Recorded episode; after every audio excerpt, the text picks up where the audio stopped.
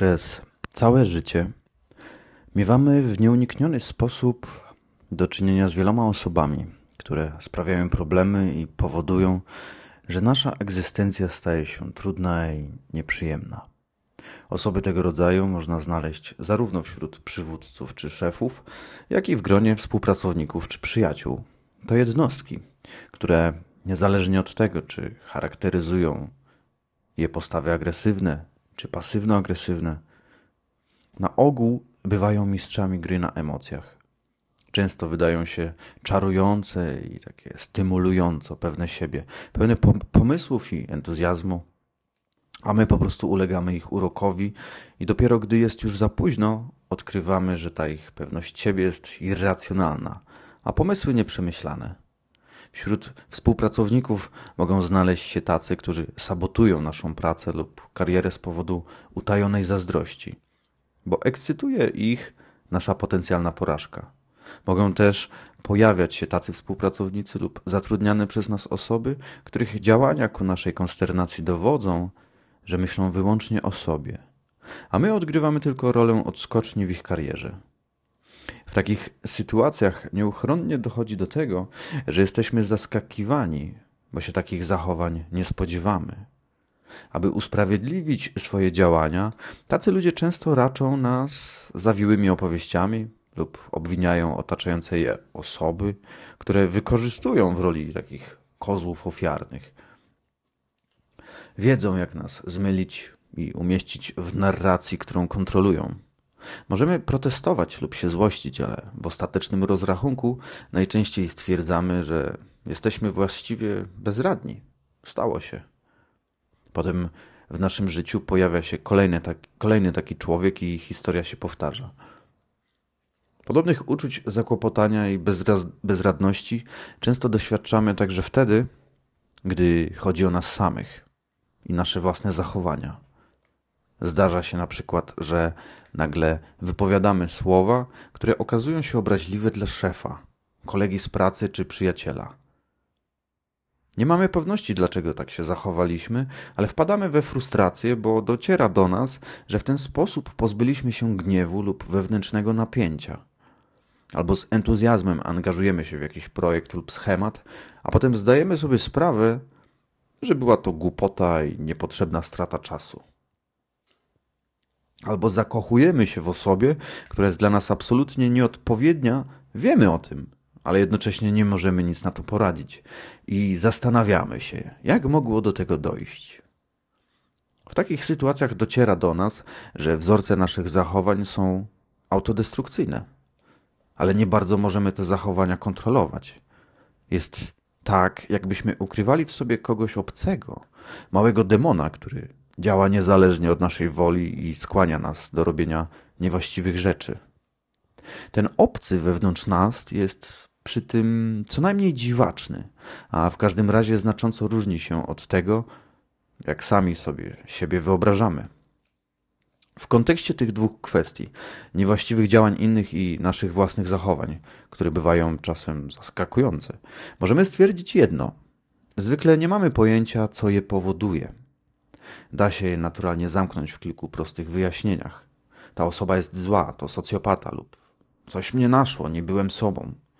Tego rodzaju opisy hmm, nie prowadzą do zrozumienia istoty problemu oraz nie zapobiegają powtarzaniu się tych samych wzorców. Prawda jest taka, że my, ludzie, żyjemy na powierzchni zdarzeń, reagując emocjonalnie na to, co mówią i robią inni.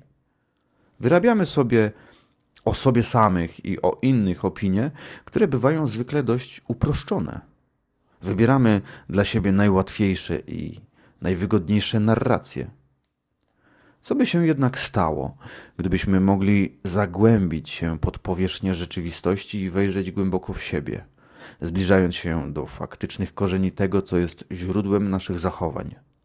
Co by było, gdybyśmy mogli zrozumieć, dlaczego istnieją ludzie, którzy okazują zazdrość i próbują sabotować naszą pracę, lub dlaczego ich nieuzasadniona pewność siebie sprawia, że wyobrażają sobie, że są istotami wręcz boskimi i nieomylnymi.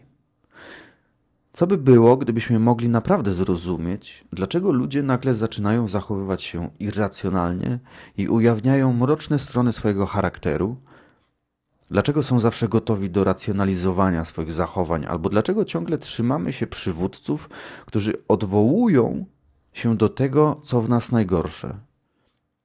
Co by było, gdybyśmy mogli zaglądać głęboko do wnętrza osobowości innych i oceniać ich charakter, unikając tym samym zatrudniania złych pracowników i angażowania się w niewłaściwe relacje osobiste, które powodują tak wiele szkód emocjonalnych?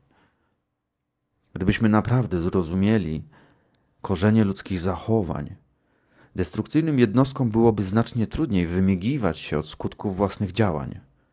Nie dawalibyśmy się tak łatwo oczarowywać i wprowadzać w błąd. Moglibyśmy przewidywać ich podłe manewry i manipulacje oraz prześwietlać narracje wykorzystywane przez nie jako kamuflaż. Nie, pozwalali, nie pozwalalibyśmy, aby tacy ludzie wciągali nas w swoje intrygi, bo wiedzielibyśmy z góry, że tym, na czym im zależy, aby móc przejąć nad nami kontrolę, jest właśnie nasze zainteresowanie.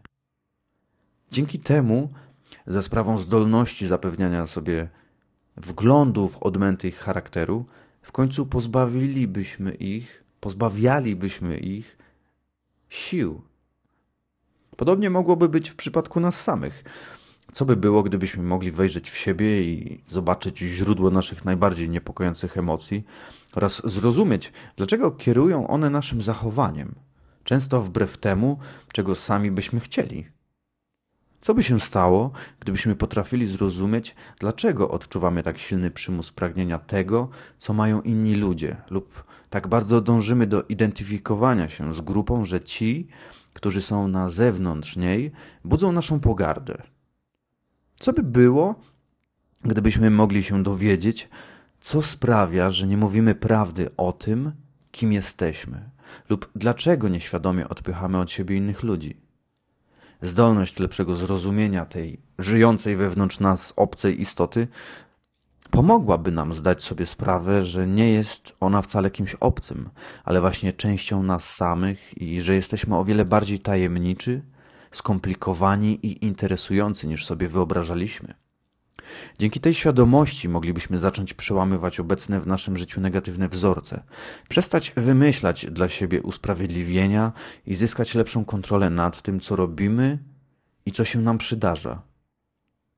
Dysponowanie taką klarowną wizją samych siebie i innych mogłoby na wiele sposobów zmienić bieg naszego życia.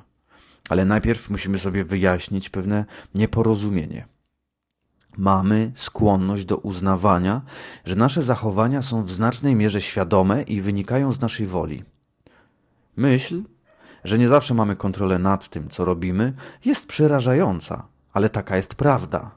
Siłą napędową określonych zachowań są ukryte głęboko wewnątrz naszej jaźni moce, które działają poniżej poziomu świadomości. Dostrzegamy efekty, nasze myśli, nastroje i działania, ale właściwie nie mamy świadomego dostępu do tego, co faktycznie pobudza nasze emocje i zmusza nas do zachowywania się w określony sposób. Przyjrzyjmy się na przykład uczuciu gniewu. Za jego przyczynę uznajemy zwykle jakąś osobę lub grupę osób. Gdybyśmy jednak byli wobec siebie szczerzy i wyjrzeli głębiej, zobaczylibyśmy, że to, co często wywołuje nasz gniew albo frustrację, ma głębsze korzenie. Może to być jakieś zdarzenie z dzieciństwa lub zestaw konkretnych okoliczności, które wyzwalają emocje. Przyglądając się sobie, jesteśmy w stanie rozpoznawać wyraźne wzorce, kiedy dochodzi do tego lub tamtego. Wpadamy w gniew. Jednak w chwili, gdy odczuwamy gniew, nie wykazujemy skłonności do refleksji, ani nie jesteśmy racjonalni. Po prostu poddajemy się emocjom i szukamy winnych. Coś w tym rodzaju moglibyśmy zresztą powiedzieć o całej masie emocji, jakie odczuwamy. Określone rodzaje zdarzeń wywołują na przykład nagły wzrost pewności siebie, pojawienie się niepewności bądź lęku, pociąg do konkretnej osoby lub chęć zwrócenia na siebie uwagi. Nazwijmy zbiór tych sił, które oddziałują na nas z otchłani jaźni, naturą ludzką.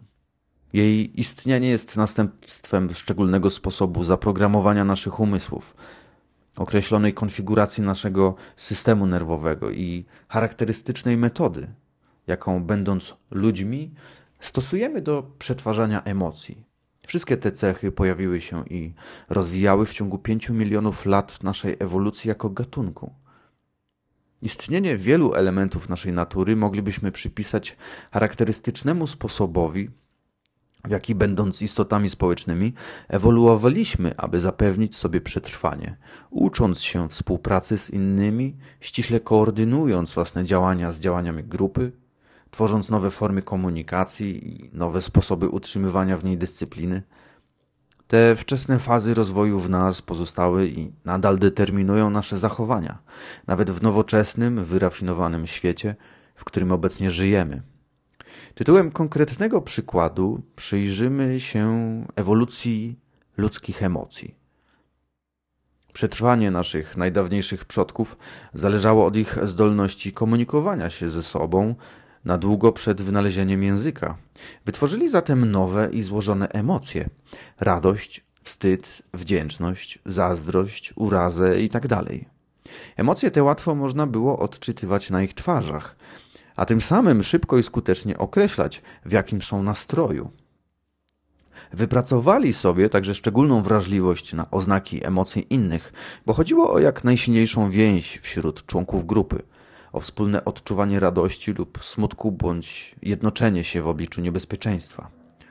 Do dzisiaj my, ludzie, pozostajemy bardzo podatni na nastroje i emocje osób z naszego otoczenia co zmusza, zmusza nas do różnych, różnorodnych zachowań, do nieświadomego naśladowania innych, do pragnienia tego, co mają oni, do poddawania się wszechogarniającym uczuciom gniewu czy oburzeniu.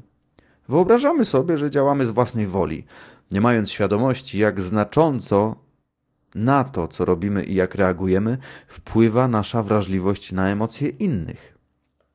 Możemy wskazać także inne tego samego rodzaju siły, które wyłoniły się z, z głębokiej przeszłości i w podobny sposób kształtują nasze codzienne zachowania. Potrzeba stałego oceniania siebie na przykład i mierzenia własnej wartości na podstawie statusu w grupie jest przykładowo cechą zaobserwowaną wśród wszystkich ludów łowiecko-zbierackich, a nawet wśród szympansów.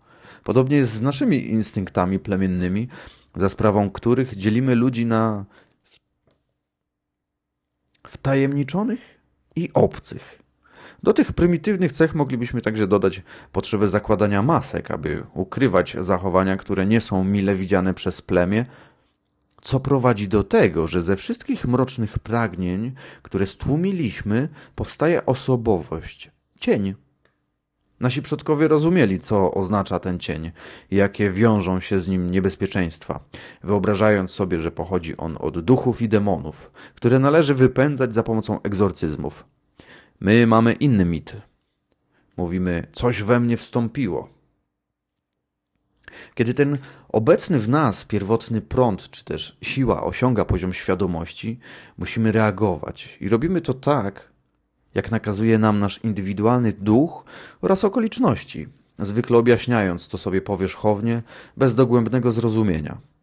Ze względu na konkretny sposób, w jaki ewoluowaliśmy, liczba sił składających się na naturę ludzką jest ograniczona i, i prowadzą one do wspomnianych wcześniej zachowań, którymi są m.in. zazdrość, megalomania, irracjonalność, krótkowzroczność, konformizm, agresja, czy chociażby też bierna agresja. Oczywiście efektem ich działań są także empatia i inne pozytywne przejawy ludzkiego zachowania.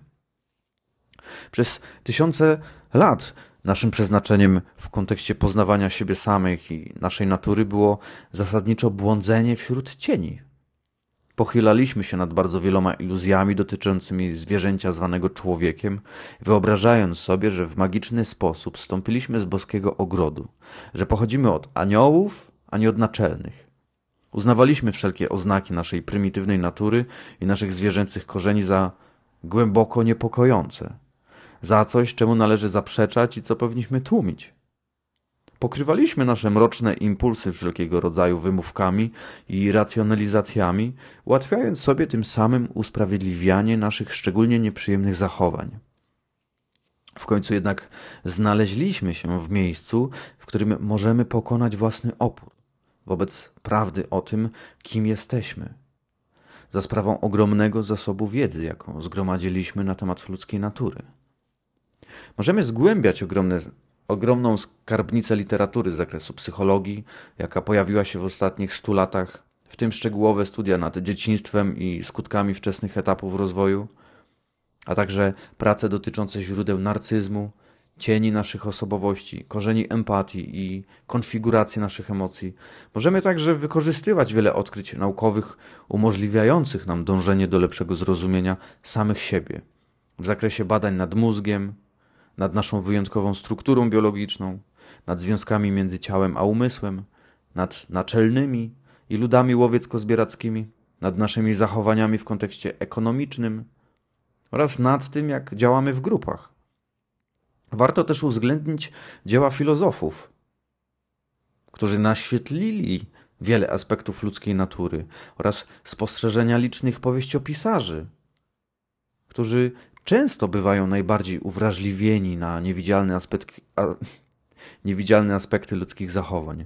Możemy także wzbogacić te materiały o szybko rozrastającą się bibliotekę bi biografii prezentujących tajniki ludzkiej natury na kanwie przykładów konkretnych jednostek. Będziemy próbować sobie tutaj zebrać te olbrzymie zasoby wiedzy i koncepcje z różnych dziedzin w celu zestawienia z nich wszystkich,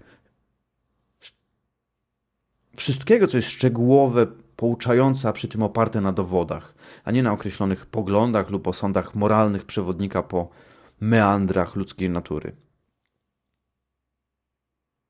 I celem tego brutalnie realistycznego oszacowania cech naszego gatunku, połączonego z analizą tego, kim jesteśmy, jest zapewnienie nam wszystkim możliwości bardziej świadomego funkcjonowania w relacjach, w jakich żyjemy. I chciałbym, aby każdy uznał ten podcast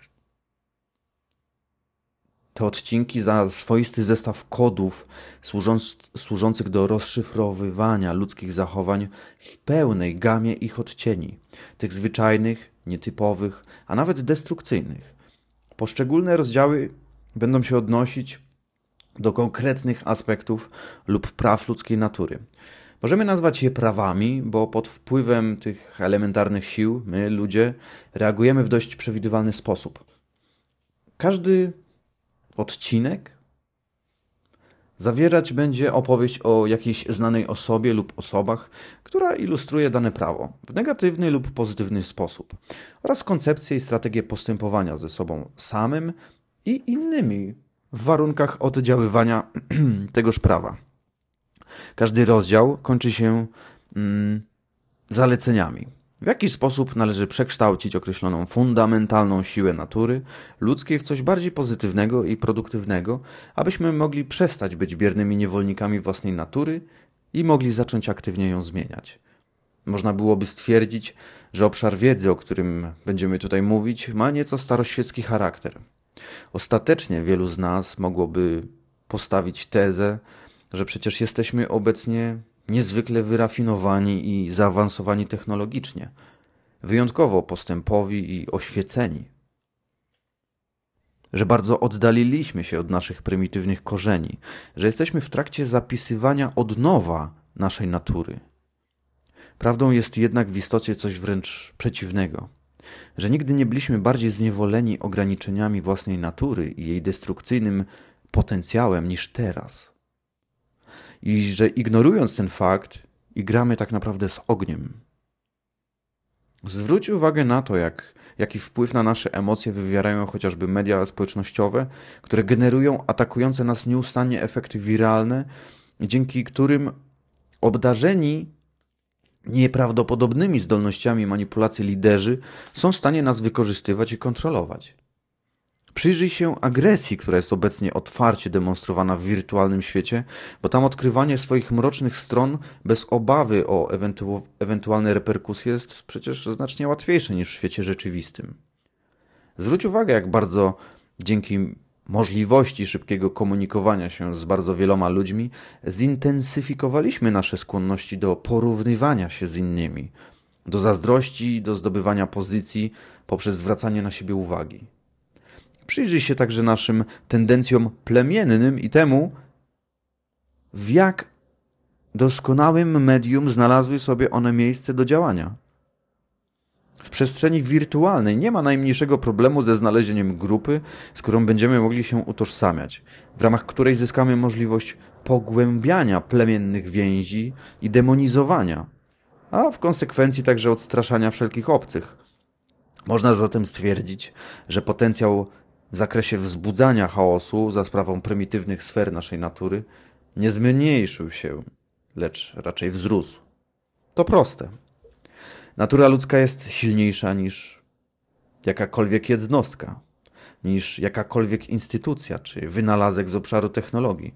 To ona kształtuje wszystko, co tworzymy, aby odzwierciedlać siebie i swoje prymitywne korzenie. To ona przestawia nas jak pionki na szachownicy. Ignorując prawa ludzkiej natury, działamy na własne ryzyko. Odmawiając przyjmowania do wiadomości istnienia tych praw, wybieramy po prostu wzorce zachowań pozostające poza naszą świadomą kontrolą oraz poddajemy się uczuciom dezorientacji i bezradności.